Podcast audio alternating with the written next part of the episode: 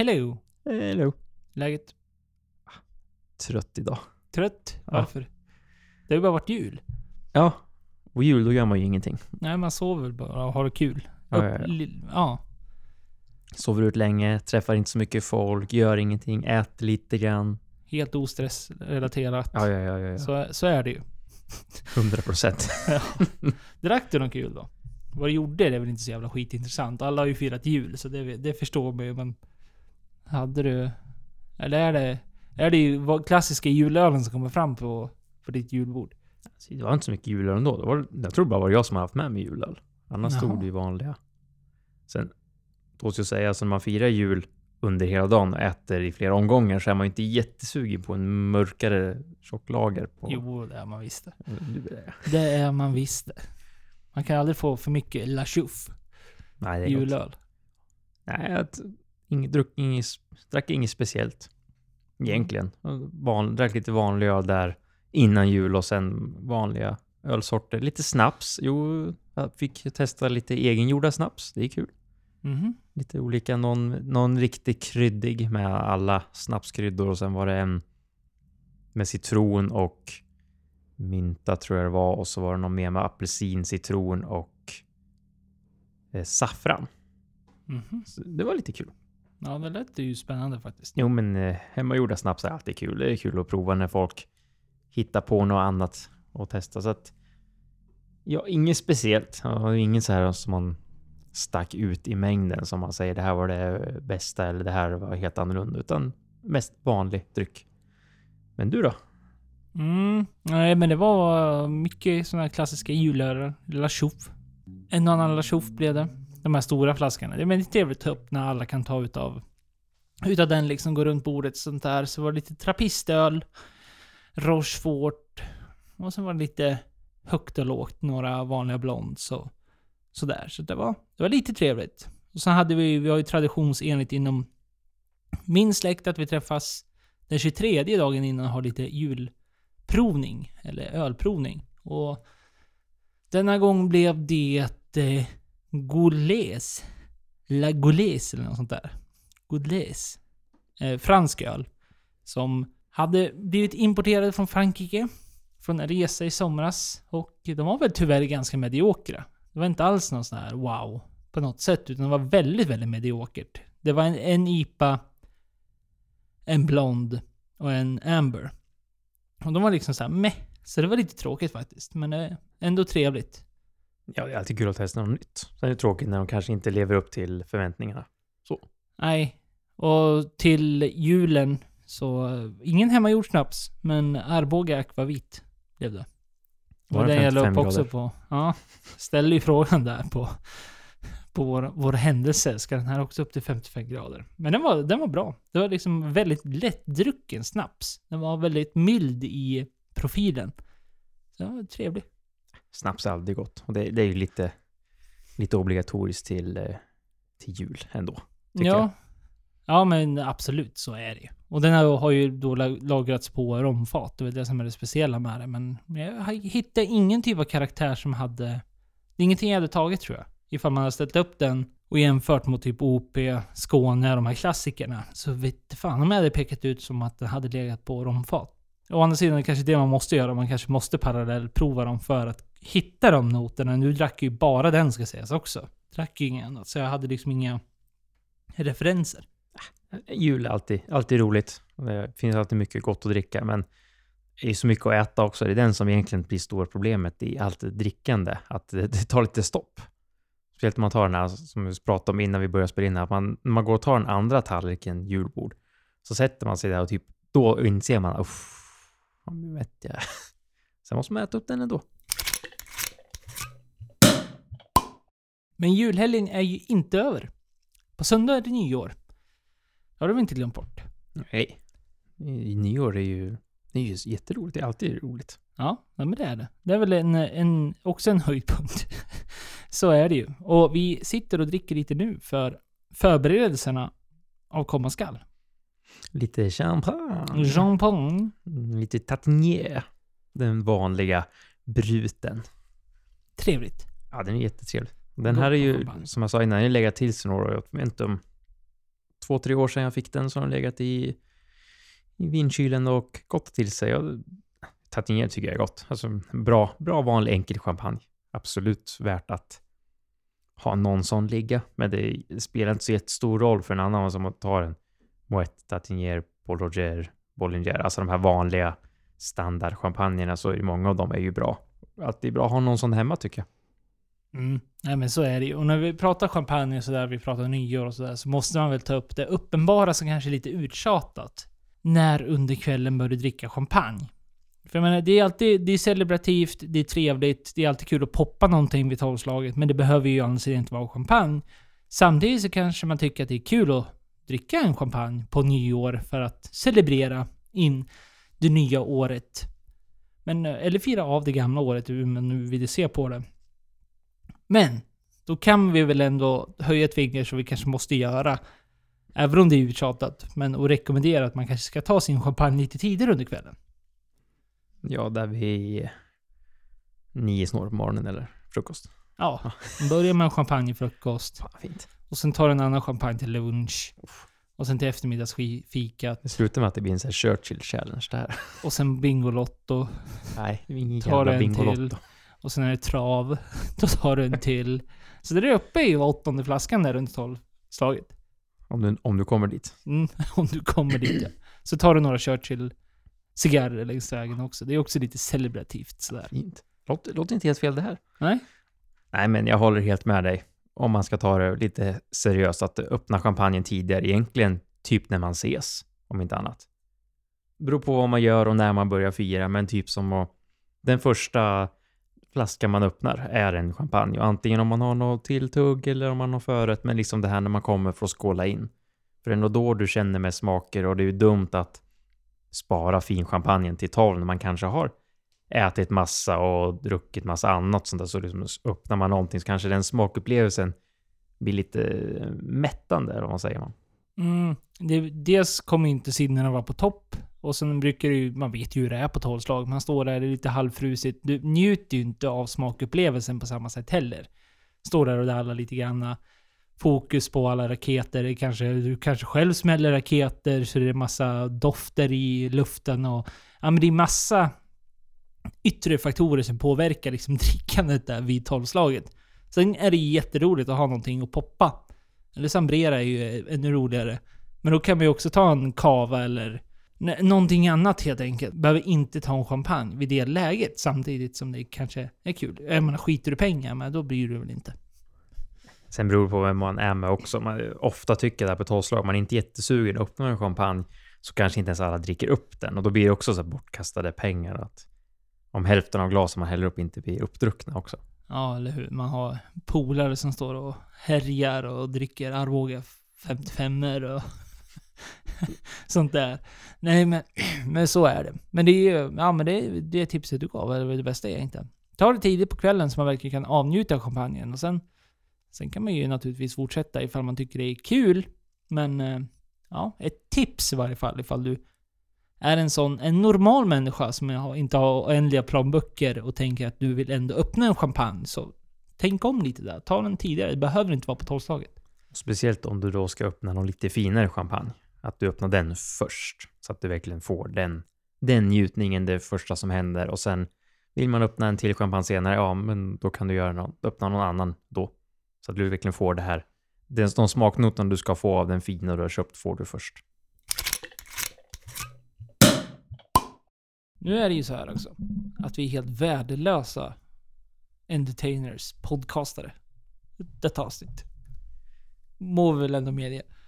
Ja, det är, det är inte jätteförberett, men det är ju ändå, det har varit jul och eh, med allt som jul innebär. Ja, precis. Det är svårt. Ni känner säkert igen er där ute också. Det är svårt att få till någonting. Och sen blir det ju jul på jul och sen nu när julen var på en söndag och i hela den biten så är det ju nyheter som... Ja, det händer ju inte så mycket under julen heller så. Så nyheter är ju mer eller mindre icke-existerande när det kommer till såna här vanliga roliga dryckesnyheter. Plus svårt att få till under julhelg och sånt där. Så vi får väl leva med att det blir lite mer icke-strukturerat. Och det kanske vissa av er tycker är bra. det blir lite, det blir nästan lite special Ja, nästan. Lite, ra- lite rant. Vi, vi, det är ju ingen fokus på någonting, utan det är mer lite nyårsrant. Ja, precis. Och det känns ju ändå som att det, jag menar, senaste avsnittet så... Så gjorde vi ju en vrapt med nyheter också. Och det, det är ju liksom det gångna året så som det har varit. Och det finns inte så mycket mer nytt som sagt. Så att det... Det får bli så här. Men vi dricker champagne ändå. Det måste vi göra nu när det är snart nytt år. Champagne är gott. Det är ju väldigt gott. Vi har ju druckit det en gång tidigare i podden. Och då var det ju en annan. Mm. Men eh, det här är ju snäppet upp. Mm, det här är ju liksom... Det Ja. Det finns ju en anledning varför de är de här vanliga standard kuvéerna som ändå av de här större husen, de, de är bra. Ja, jag tror det är en bra att dricka så här också, för jag tror nog att det är många som går, för jag menar, det här är en av de här som finns. Det är ju oftast, det är ju Tattinger och Bollinger som håller de här runt 500 kronors nivån. Jag tror det är många som sträcker sig efter de flaskorna för exempelvis nyår. Finns i stort sett i varje systembolag bland hyllorna redan det existerade. Jag skulle ju tro att det är Tattinger, den här kuvén.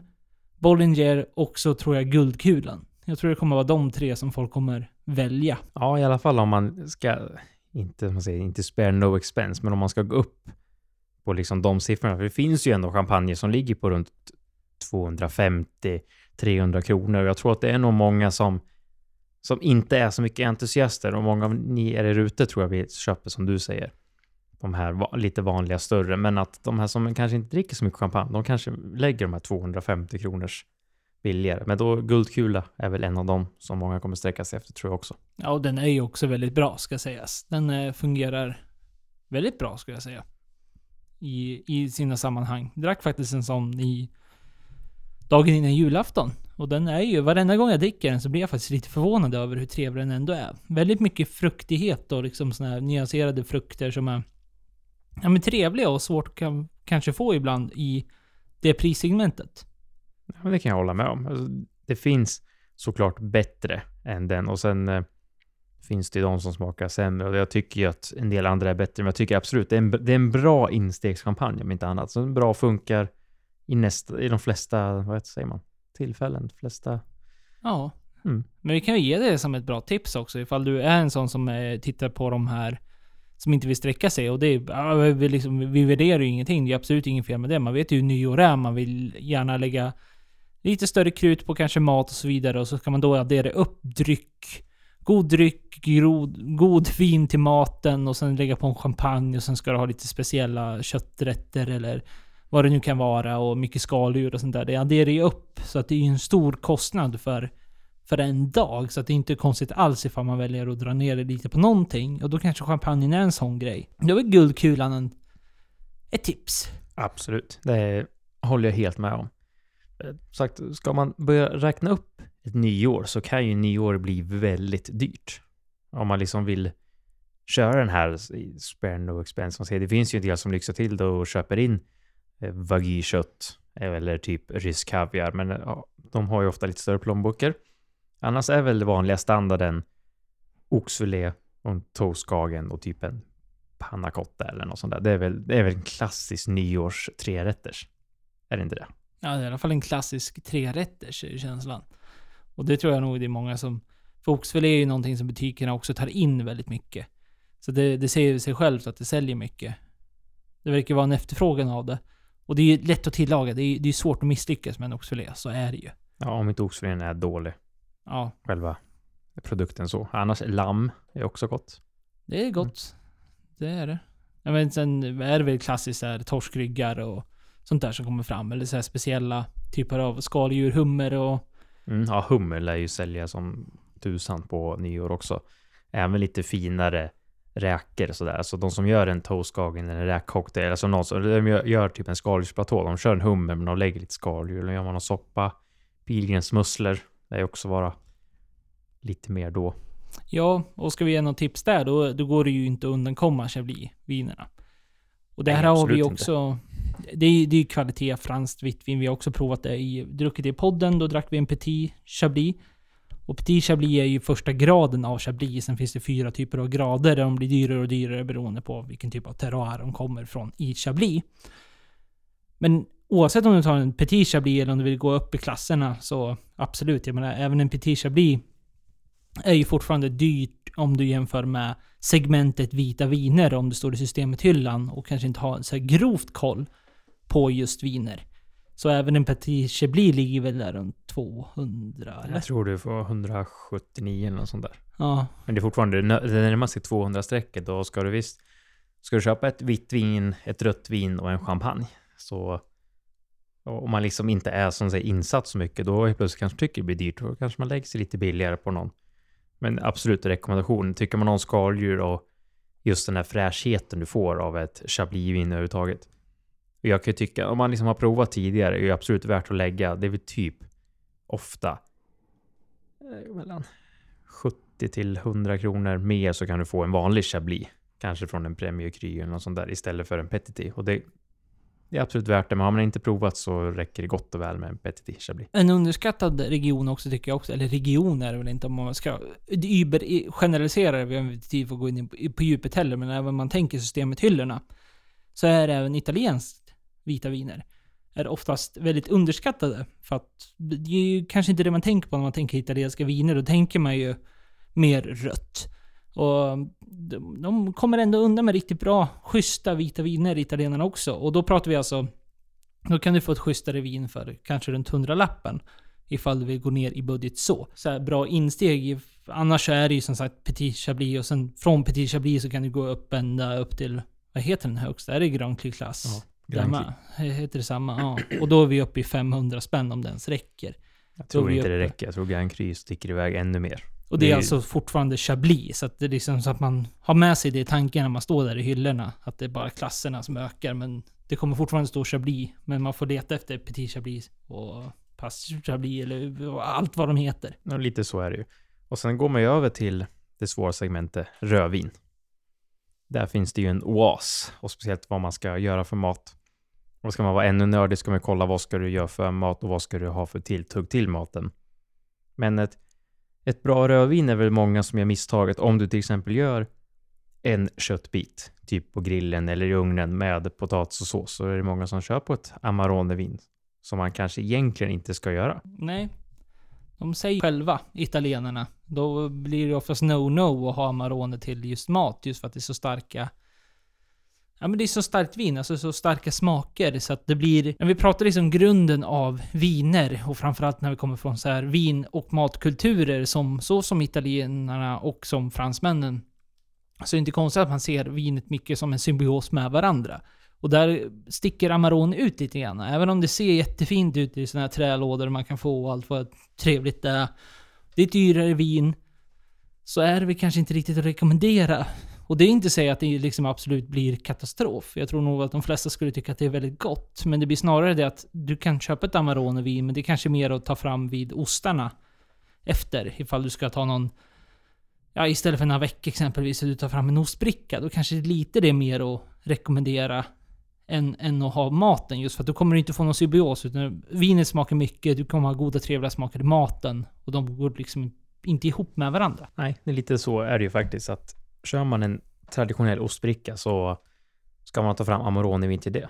Men om man ska gå in på rödviner då, om du ska göra så, det finns ju där, det finns ju så mycket och det är det som är så svårt att välja med att där är det egentligen bäst att fråga personalen på system och kolla vad som passar till den maträtten man tänkt göra.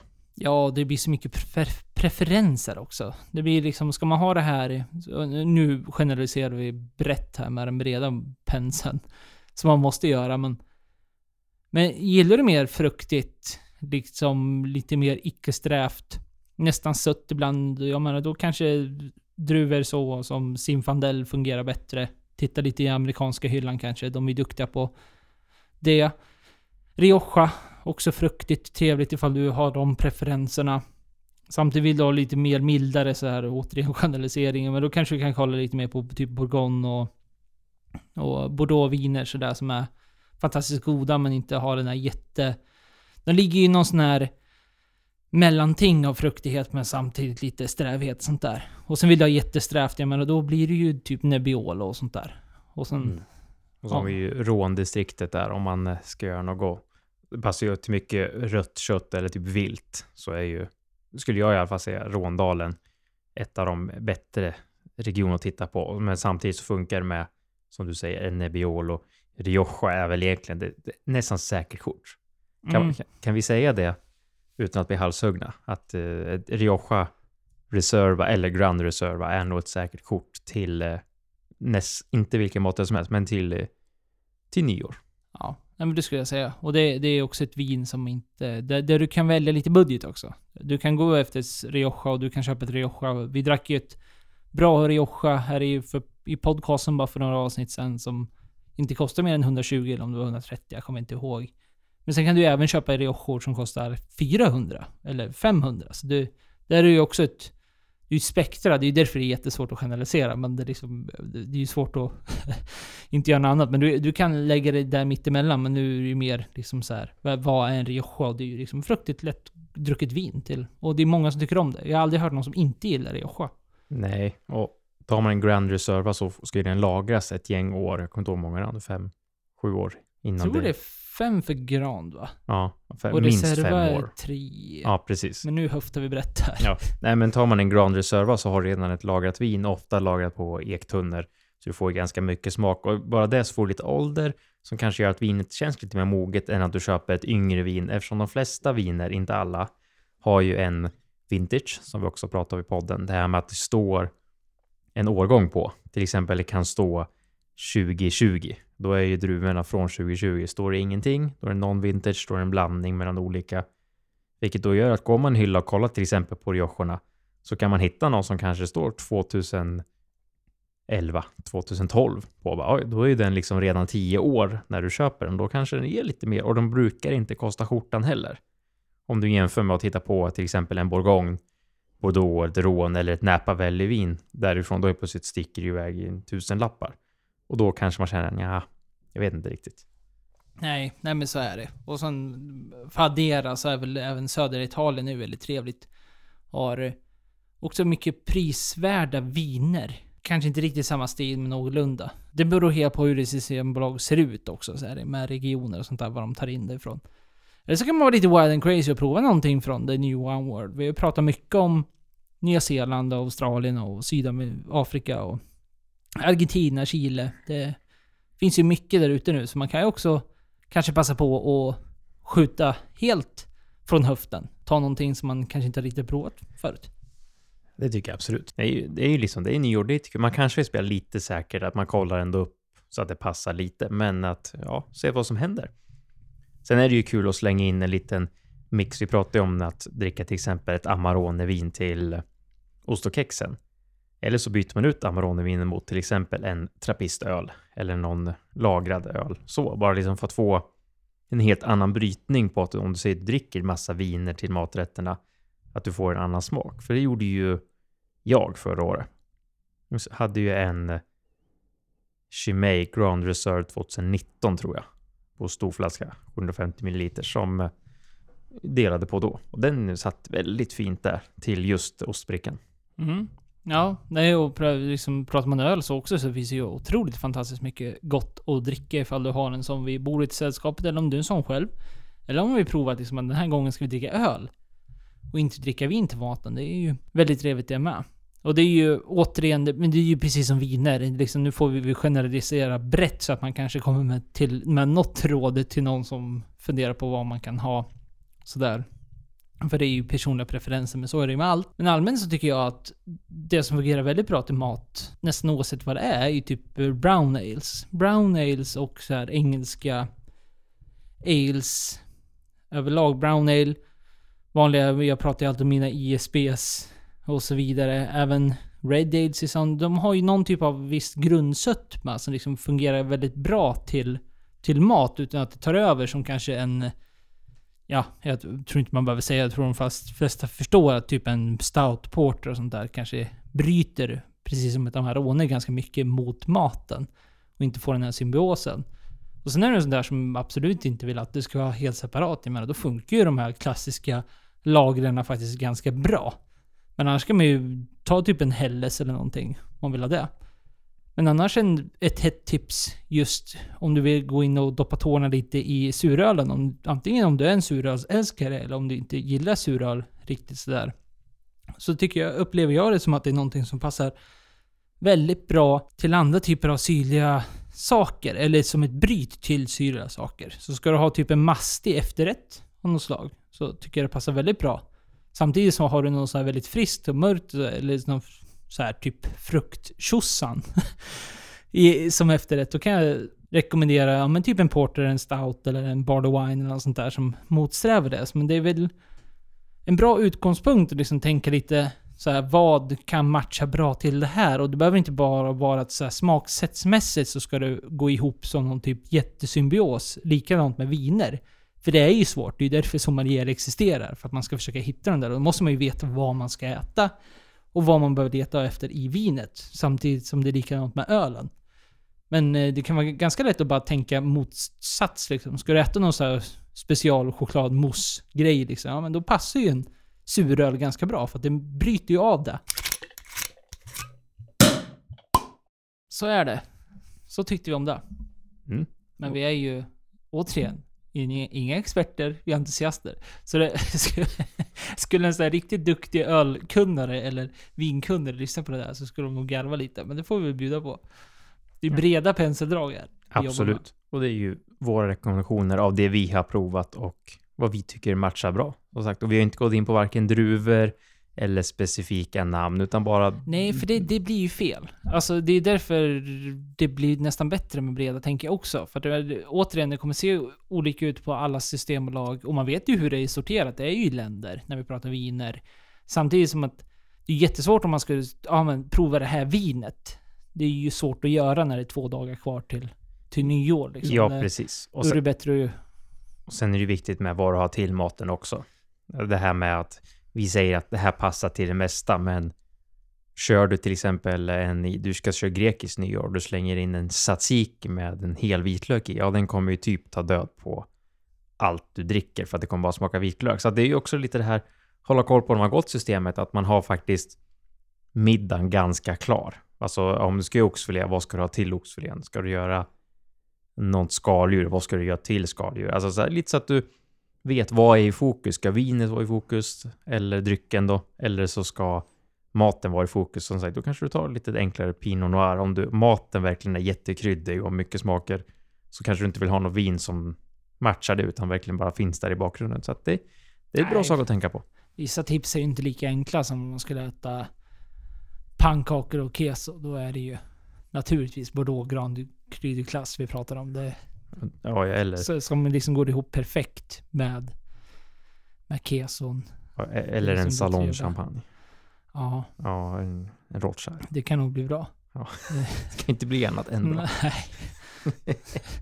Men det är specifikt. Ska du äta pannkakor så där har du tipset. Men nyår är ju ändå en högtid, kan man väl säga. Så vi har ju pratat mycket högtider i den här podden, både med påsk och midsommar och nyår, eller jul, där vi alla typ dricker och äter typ samma sak. Sen kommer ju nyår, där det är lite det här spektrat 50-50, vad är planen på nyår? Ska antingen tycka det är liksom det här att många lyxar till det. Lagar lite god mat, köper något gott vin, champagne och så. Och en del andra är det ju fest. Mm. Ja, det finns ju två olika skolor. Och det är kul också för att det känns som att folk associerar också vad man tycker är kul och att prova och göra något speciellt. Men eh, jag vet folk har haft umgängen också. Där man då passar på att göra trevliga drinkar exempelvis. Alltså drinkar som du aldrig skulle ha orkat gjort förut men du finner en anledning till att göra. Medan vissa fokuserar mer på typ vin och sånt där. Och sen har vi ju den, den spektrat som är mer fest. Och personligen, för, för en annan del exempelvis, vi är ju alltid ett stort kompisgäng. Så där är det ju alltid högt och lågt. brukar kunna vara någon som har med sig en drink, så står vi och blandar drinkar till alla.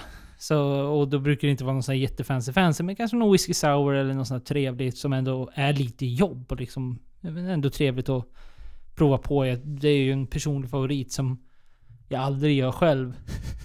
Så det, det blir extra trevligt för en annan. Men sen är det ju mycket... Alltså maten är alltid i fokus. Men man är många. Man delar upp i olika lag. Det brukar vara så att man lottar ut så att någon ser till att handlar hem allting för det är enklast.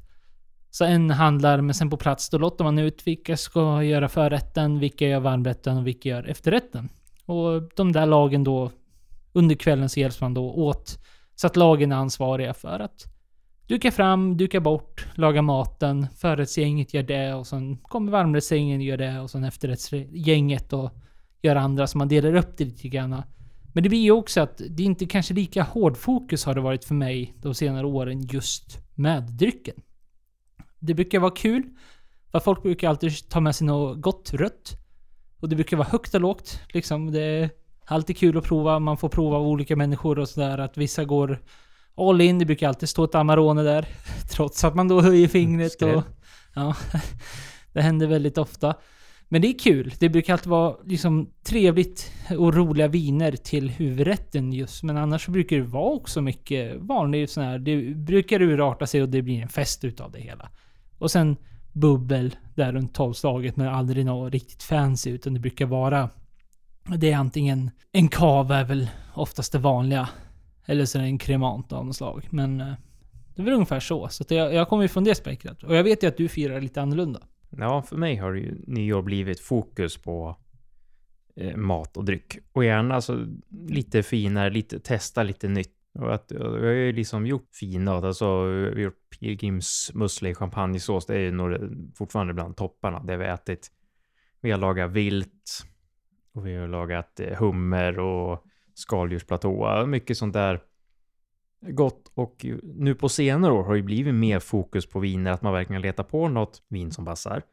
Eh, eller någon öl som passar då också. Och sen även börjar liksom eh, det har, det har liksom blivit lite mer hela tiden och sen behöver man absolut inte göra något nytt varje år utan om man har gjort något så kan man göra det igen, kanske inte året efter, men att göra det två år efter för att det liksom varför krångla till då alltid leta nytt? Och det är ju ändå, det är kul. Jag, jag ser ju den fokus, för jag vet ju att ni, ni har ju kört, du och dina kompisar har ju haft lite sån aspekt att det blir lite fest och jag, jag har inte haft den aspekten på nyår. Jag har aldrig velat gjort det. Jag tror aldrig jag har gjort det. Överhuvudtaget har det alltid varit laga mat, och dricka något gott.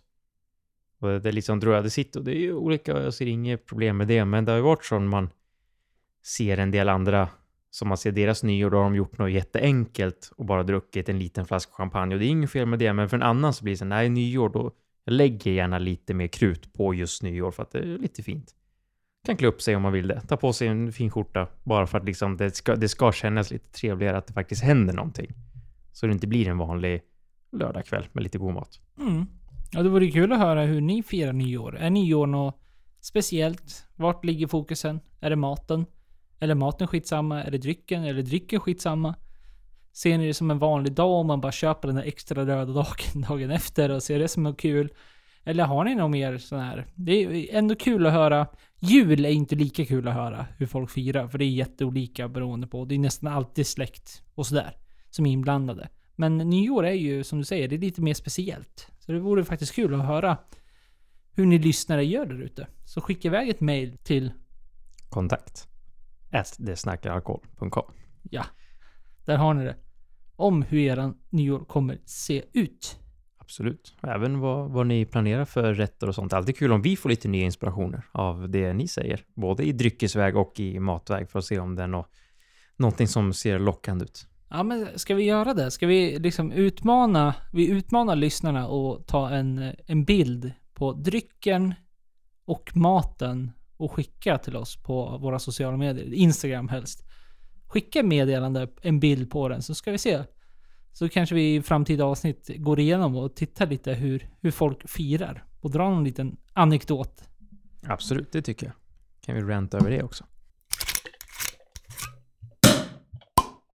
Om vi släpper nyåret då. Nyåret det har ju, det kommer ju gå. Det är kanske många utav er som lyssnar efter nyår också. Då blir det här...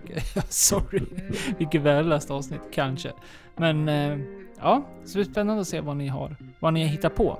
Men nyår kommer ju alltid med den klassiska nyårslöften och skit och det har vi ju inga. Nej. Nej. Och sånt håller vi inte på med heller. Men däremot så är det ju snart så att podden fyller ju snart ett år. Vi är en månad ifrån ungefär. Mm. Det går fort. Ja, det har ju gått väldigt, väldigt fort. Vi började ju där i slutet av januari 2023. Och det har ju ett år, ni har blivit fler och fler. Jätteroligt. Det har väl gått fortare än man trodde. Det tycker jag absolut. Det, har sprungit på bra ändå. Vi har hunnit gjort väldigt mycket och druckit väldigt mycket som vi pratade om i förra avsnittet när vi gjorde vår Wrapped. Mm. Så att det, nej, det, det är kul. Det är roligt. Ja. Men så vi har ju några mål inför 2024 som vi tänkte dela med oss av. Och det är väl i, inget av det här ska vi säga är satt i sten egentligen. Det är ingenting som vi har hoppas jag bokat. inte. Då blir det jobbigt för oss. Då blir det jobbigt. Det blir ju nästan som nyårslöften fast inte löften utan mål snarare. Men vi har alltid pratat om, vi pratade ju om redan i våra första avsnitt där att vi skulle försöka åka på mycket mässor och sånt där, men det har vi inte gjort. Eller festivaler. Men det är väl ett mål vi har ändå, att vi liksom ska försöka bli duktigare och åka på olika typer av festivaler, dryckesevenemang, matevenemang och, och så vidare. Där vi faktiskt får chansen att, att träffa er där ute också. Ja, det var ju ett mål vi hade. Och sen är det ju som alltid... Man, man kan inte säga att livet kom i, kom i vägen, men Nej, det... vi vill, det, är väl, det är väl lathet Ja. blandat med att eh, det inte riktigt går ihop ibland. Nej. Det, så enkelt är det ju bara. Nej, ja, man Men har ju, man har ju ett privatliv som eh, ibland stökar till det. Med att det kommer upp saker och jobb och annat som gör att man säger vi har inte den här eh, chansen att göra det här den här gången. Men vi ska försöka bättre. Vi har ju bara varit på en mässa tillsammans. Ja, Och- det är ju fan under all kritik egentligen. Ja. Jag har ändå varit på tre mässor. Så att jag, jag är ju bra. Jo, Klapp- klapp på- jo, mig själv jo. på den här Men jag menar alltså att vi, vi själva. Men just att vi bara varit på en, bara två. Det är ju dåligt.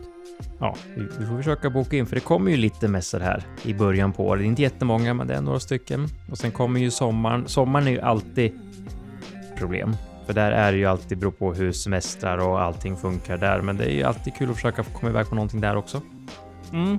Ja, men vi har ju några stycken sådär som vi verkligen vill åka på.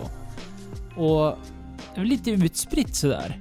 Men eh, först ut är väl Linköpings Whisky Expo. Jag tror att eh, Västerås öl och destillat är också fe- februari. Den har vi pratat om tidigare med. Så att, ja. Och så är öl och whiskymässan i, på båten är i februari.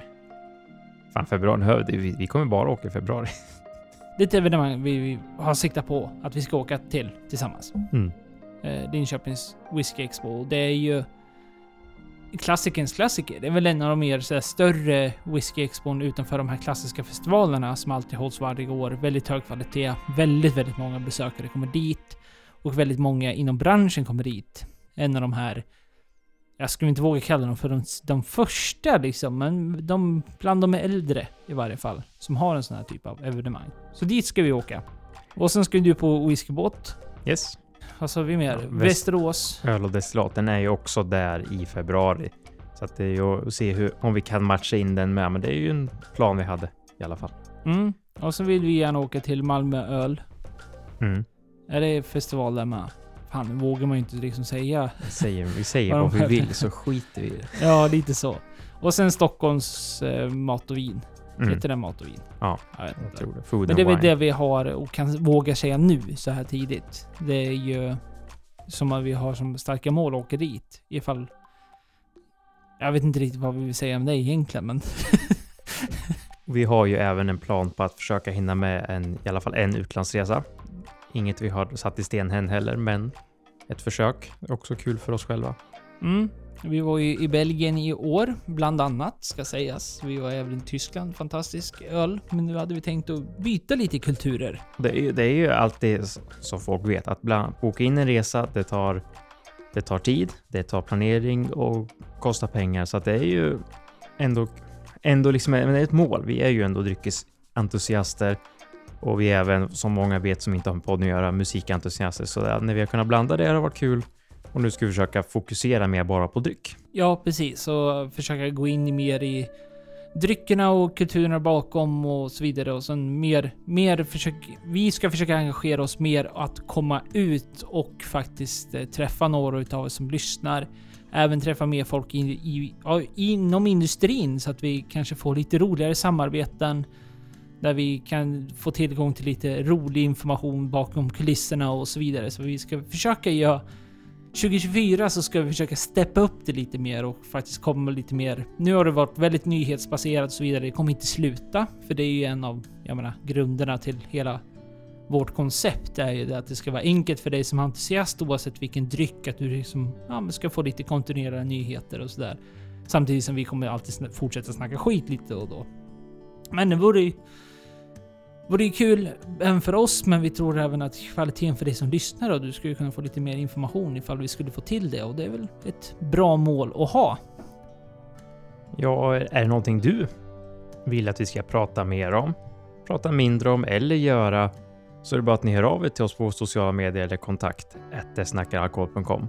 Vi kan ju sitta här och säga att det här vill vi göra, men så kanske ingen som vill höra det vi vill göra, utan det kanske är någon som kommer med någon bra inside som de tycker vi ska kolla upp eller smaka. Vi har ju provat. Vi har haft några som har skrivit lite rekommendationer på drycker vi ska prova och vi har provat, inte alla, men en del av dem i podden. Ja, och jag måste ändå säga att eh, vi, i, i somras fick vi jättemycket förslag på saker att dricka.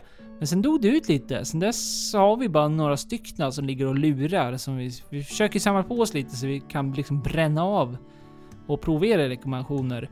Och vi har ju druckit mycket inom dryckesväg, så vi har ju försökt bockat av de här. Ja, men allt från sake, mezcal, tequila, grappa, madeira, tokaji. Vi har liksom försökt dricka många olika typer av drycker också. Punch har vi druckit. Ja, men vi har druckit mycket sånt där. Men vi börjar ju bocka av sakta men säkert dem också, så det vore ännu roligare ifall ni vill naturligtvis. Men skicka in tips. Så eh, det är ju roligare att dricka era tips faktiskt än att dricka någonting som vi bara hittar på vad vi ska dricka. Så det, det vore väl också kul ifall det skulle öka lite 2024.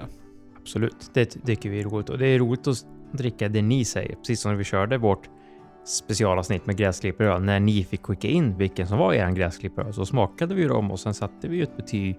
Och det roliga var ju att eh, det var inte så många samma svar utan alla hade olika. Och bara det var ju en ganska rolig grej som gjorde att det blev liksom något nytt för oss att testa och få upp lite ögonen för lite nya drycker och sånt. Och det, det är alltid roligt utan att vi själva behöver leta på sånt som vi redan vet att det här vi vill prova så kommer in någon annan och säger men prova det här istället. Eller det här också. Och då, ja, det är kul. Men det var det. Det får bli det här avsnittet. Lite kortare än vanligt, men det är å andra sidan som, som vi sa där i början. Det är, nyheterna är inte roliga, så vi kommer inte med något sånt utan... Och det är ju juletider och så vidare, så att det, det är vad det är. Så det fick ju bli ett kortare avsnitt idag. Ja, och det är kanske lika skönt tycker ni som lyssnar. Ja, men, men precis. Så vi inte bara går i, i cirklar hela tiden. Precis. Men nästa år, haha, kul skämt, så kommer det ett vanligt avsnitt där vi förhoppningsvis har hittat lite roliga nyheter. Nu är nytt år, kanske inte hänt någonting då heller, men det... Ja, det får visa sig helt enkelt. Det löser sig. Ut. Och hitta, vi ju... hitta på nyheter. ja, precis. Vi har delat med oss lite av eh, potentiella planer inför 2024. Och vi får vi tillägga där också. Naturligtvis vore det jättekul ifall ni skickar in saker som evenemang eller saker som ni tycker att vi borde åka på. Någonting du själv har varit på och kan rekommendera eller bara någonting allmänt sånt där som du rekommenderar som verkar roligt helt enkelt att åka på så ska vi naturligtvis se över det och se våra möjligheter till att åka på något sånt dylikt. Det vore kul. Absolut. Det finns ju så många olika mässor slash festivaler här ute i landet så det, man, det är svårt att hålla koll på alla och när alla är och finns det någon liten, stor mellan som ni tycker och som ni åker på som är liksom det här är bland det bästa eller trevligaste så absolut, hör av er till oss. Framförallt de, de små. Skulle ju vara skitkul ifall du, jag menar inte vet jag, oavsett var du bor, bor du i Norrköping, Jönköping, massa Köpings, Malmö, Göteborg. Ja. Det räcker ju med att det kanske är din favoritpub som har någon specialprovning eller någonting. Och någon med riktigt trevliga grejer. Så det är ju sånt där, alltså mindre smått och lokalt. Det är det som är extra roligt att få reda på. För det är ju kanske sånt där som vi helt omöjligt inte hade kunnat få reda på. På något annat sätt så vore det ju jättekul ifall du skickar in såna, såna tips till oss. Absolut, det tycker vi nästan ännu roligare. För sagt, små lokalt, det, näst, det passar nästan oss bättre på ett sätt. Men det är trevligt. Det är trevligt. Det är väldigt trevligt. Ja. Inget mer än att säga så. Så ni når oss med rekommendationer till allt detta och bilder och så vidare så heter vi Det snackar alkohol på Instagram och Facebook. Du kan skicka in där. Du kan även skicka in till kontakt att